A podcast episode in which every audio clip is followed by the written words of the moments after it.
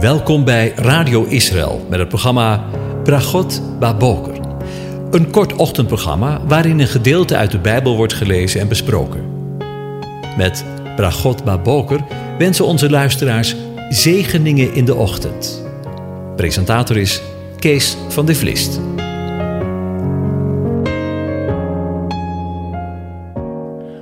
Goedemorgen, beste luisteraars. Vanmorgen gaan we weer verder met na te denken over Psalm 68 en daarvan de versen 12 en 13. Ik lees aan je voor. De Heere gaf stof tot spreken. De boodschapsters van goede tijding vormden een groot leger. De koningen van de legermachten vluchtten weg. Zij vluchtten weg. Ja, maar die thuis bleven, deelden de buit uit. Over boodschapsters gesproken. Deze keer wil ik met je nadenken over de woorden die we zojuist gelezen hebben. In de voorgaande versen lazen we: U hebt zeer milde regen doen druipen, o God. U hebt uw eigendom versterkt toen, u toen het uitgeput raakte. Uw kudde woonde daar. U maakt uw eigendom door uw goedheid gereed. Voor de ellendige, o God. De relatie of het verband tussen deze Bijbelgedeelten lijkt in eerste instantie misschien wat vaag. Maar misschien wordt het duidelijker als we ons indenken in welke situatie het volk leefde. In de wildernis, zoals we al eerder in de psalm lazen. In de woestijn. In omstandigheden waar het volk onvoorstelbaar afhankelijk was van water. Milde regen, zoals de schrijver van de, en van de psalm zegt. Water was en is in de woestijn letterlijk van levensbelang. En het tweede waar het volk van afhankelijk was in die omstandigheden, was de bescherming tegen de vijanden. We lezen talloze malen dat het volk tijdens de woestijnreis te maken had met gebrek aan water, maar ook dat ze juist geen gebrek hadden aan vijanden die hen probeerden te belagen. En dan volgen de woorden: De Heere gaf stof tot spreken. De boodschapsters van goede tijding vormden een goed leven. De Heere, Adonai, wat we kunnen, kunnen vertalen met mijn meester, geeft, zoals de tekst zegt, stof tot spreken. We zouden het ook kunnen interpreteren als het feit dat de Heer een profetie geeft. In het Hebreeuws lezen we jitter, omen, een woord, bevel of boodschap. Het was een groot leger van boodschapsters die een tijding brachten, die een goede tijding brachten. Wat de inhoud van deze boodschap is geweest, weten we niet precies, maar wel het gevolg ervan. Luister maar naar het vervolg van de tekst. De koningen van de legermachten vluchtten weg. Zij vluchtten weg. Maar zij die thuis bleef, deelde de buit uit. We mogen gerust concluderen dat de woorden van die boodschapsters hun effect niet hebben gemist. De koningen van de legermachten vluchtten weg. En blijkbaar deden ze dat overhaast. Want zij namen blijkbaar niet de tijd om alles netjes in te pakken. Maar lieten alles achter, zodat zij die thuis bleven, en het waren over het algemeen de kinderen en de oudere vrouwen, zij die niet aan de strijd konden deelnemen, de buit uitdeelden. Het is allemaal een wonderlijke geschiedenis. Vind je ook niet? Wat kan de boodschap van deze woorden ons, jou en mij te zeggen hebben?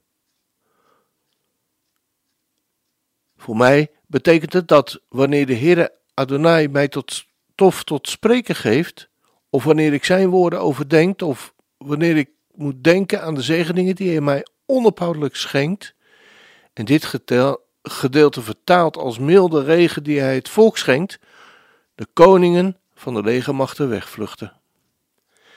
Ik vertaal dat deze keer maar als somberheid, ondankbaarheid ten opzichte van de Heer of zonnige gedachten of situaties waar ik niet op mijn plaats ben. En als ik dan bij wijze van spreken weer thuis ben, dicht bij het vaderhart in zijn aanwezigheid, dan wordt het als het ware de buit uitgedeeld. Dan kan ik me verheugen in wat de Heere, Adonai, mij schenkt. Liefde, blijdschap, vrede, langmoedigheid, vriendelijkheid, goedheid, trouw, zachtmoedigheid, zelfbeheersing. Het is vanmorgen een wat toepasselijke aflevering geworden. Je mag best weten dat ik met gedeelten geworsteld heb. Hoe ik de woorden moet verstaan. Er zullen talloze andere invullingen aan de woorden gegeven kunnen worden. En ik twijfel er niet aan dat er meer schriftuurlijke, profetische of andere verklaringen mogelijk zijn. Maar dit is wat de Heere, de Meester, mij vanmorgen gaf. En heeft hij u of jij een andere invulling of een aanvullende invulling van het psalmgedeelte, dat dan gerust weten. Ik leer graag van anderen. Zo mogen we elkaar namelijk opbouwen. Maar tegelijkertijd blijft staan dat we, zoals ik zojuist al zei, we ons mogen verheugen in de buit die de meester jou en mij wil schenken, wanneer de meester stof tot spreken geeft en boodschappers van goede tijding zijn. Namelijk liefde, blijdschap, vrede, langmoedigheid, vriendelijkheid, goedheid, trouw, zachtmoedigheid en zelfbeheersing. Als dat geen zegen is, we gaan luisteren naar een overbekend lied. Er komen stromen van zegen.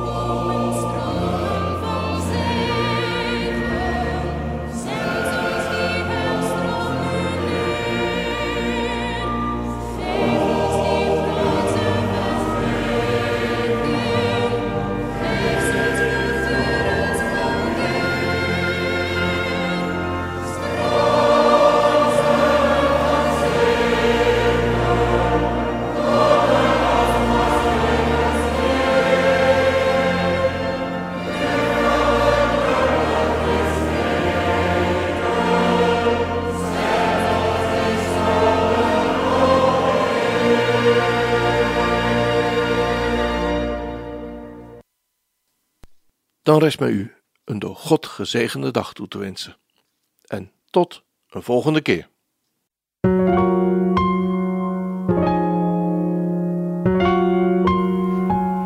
U hebt geluisterd naar het programma Bragot Baboker. Een kort ochtendprogramma waarin een gedeelte uit de Bijbel wordt gelezen en besproken. Wilt u het programma nog eens naluisteren, dan kan dat. Ga naar radioisrael.nl en klik onder het kopje radio op Uitzending gemist.